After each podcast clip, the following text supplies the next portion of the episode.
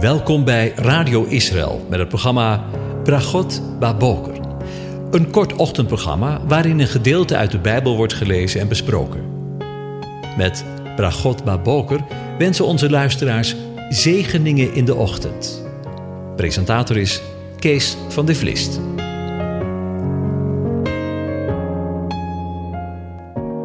Goedemorgen, luisteraars. Vanmorgen denken we verder na over Psalm 92. Ik lees het aan je voor. Een psalm, een lied op de Sabbatdag.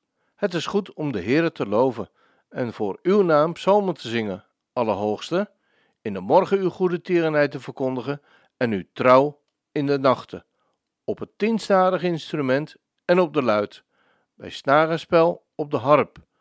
Want u hebt mij verblijd, Heere, met uw daden. Ik zal vrolijk zingen over de werken van uw handen. Heere, hoe groot zijn uw werken, zeer diep zijn uw gedachten. Een onverstandig man weet er niets van, en een dwaas begrijpt dit niet. Wanneer de goddelozen groeien als gras, en alle die onrecht bedrijven bloeien om tot in eeuwigheid weggevaagd te worden. Maar u bent de Allerhoogste, voor eeuwig de Heere. Want zie, uw vijanden, Heere, want zie, uw vijanden zullen omkomen.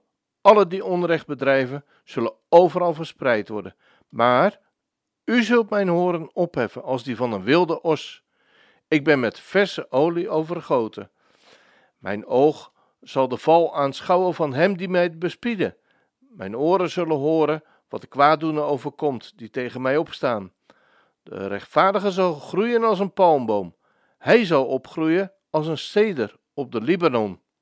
Wie in het huis van de Heere geplant zijn, die mogen groeien in de voorover van onze God. In de ouderdom zullen zij nog vruchten dragen. Ze zullen fris en groen zijn, om te verkondigen dat de Heere waarachtig is. Hij is mijn rots, en in hem is geen onrecht. Tot zover. Over de palmboom gesproken. We denken weer verder na over het vervolg van deze psalm en wel over de volgende woorden.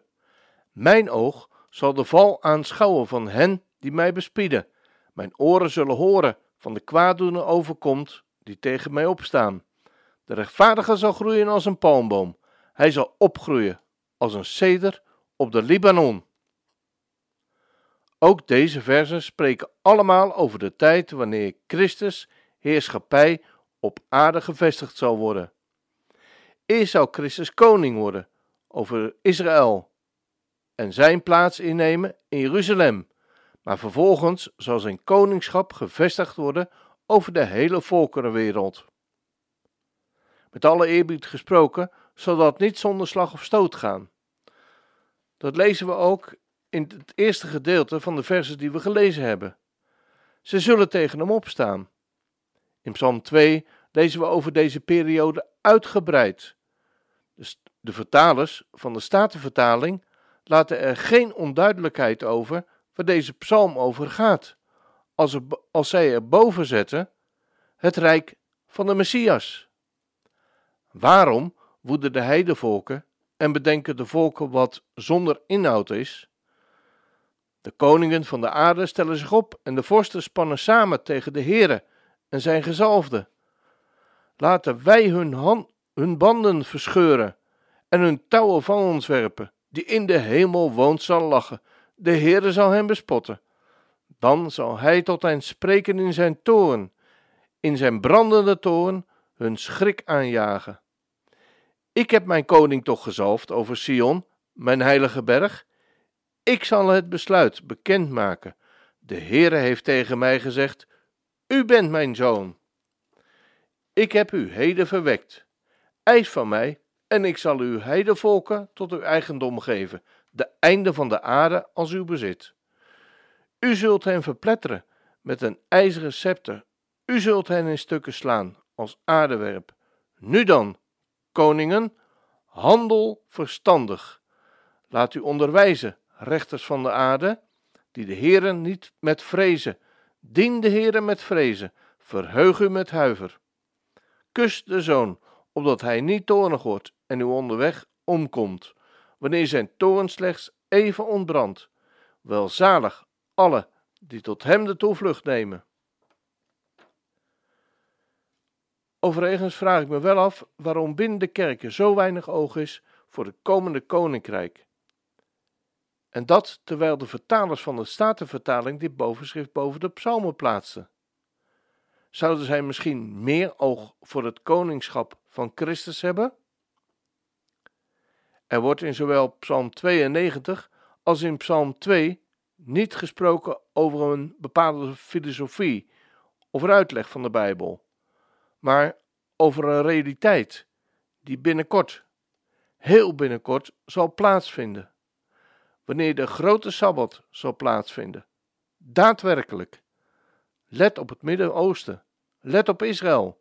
Let op Jeruzalem. Daar, op die plek, zal het plaatsvinden. Daar gaat het allemaal gebeuren. Dan lezen we vervolgens in Psalm 92: De rechtvaardige zal bloeien als een palmboom. Hij zal opgroeien als een ceder op de Libanon. Wanneer eenmaal de grote sabbat, het nieuwe tijdperk in deze schepping, de nieuwe dag, dan zal de rechtvaardige groeien als een palmboom. Hij zal opgroeien als een ceder op de Libanon. Let op dat er hier de rechtvaardige in het enkelvoud staat.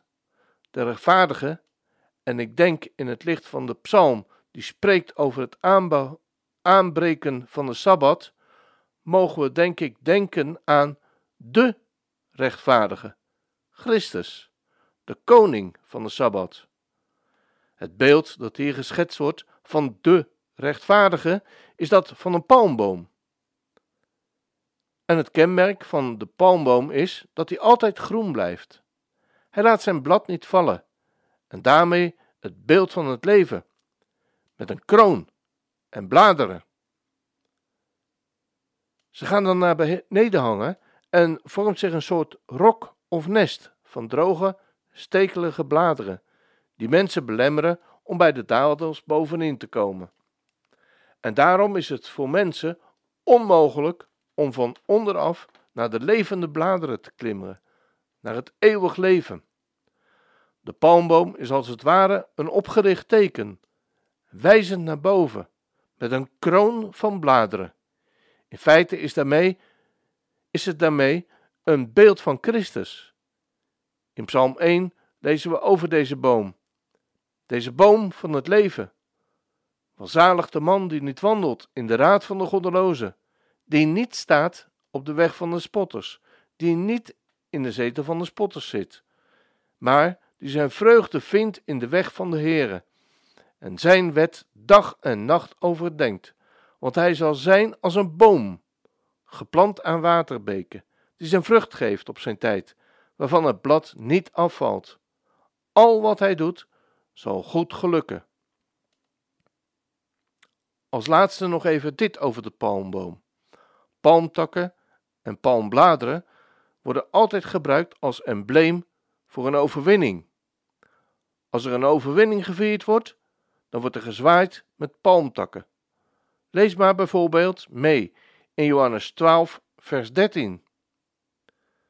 Toen de volgende dag een grote menigte die naar het feest gekomen was, hoorde dat Jezus naar Jeruzalem kwam, namen zij de takken van de palmbomen en gingen de stad uit, hem tegemoet en riepen: Hosanna! Gezegend is hij die komt in de naam van de Heere, de koning van Israël. Ik wens je een van God gezegende dag toe.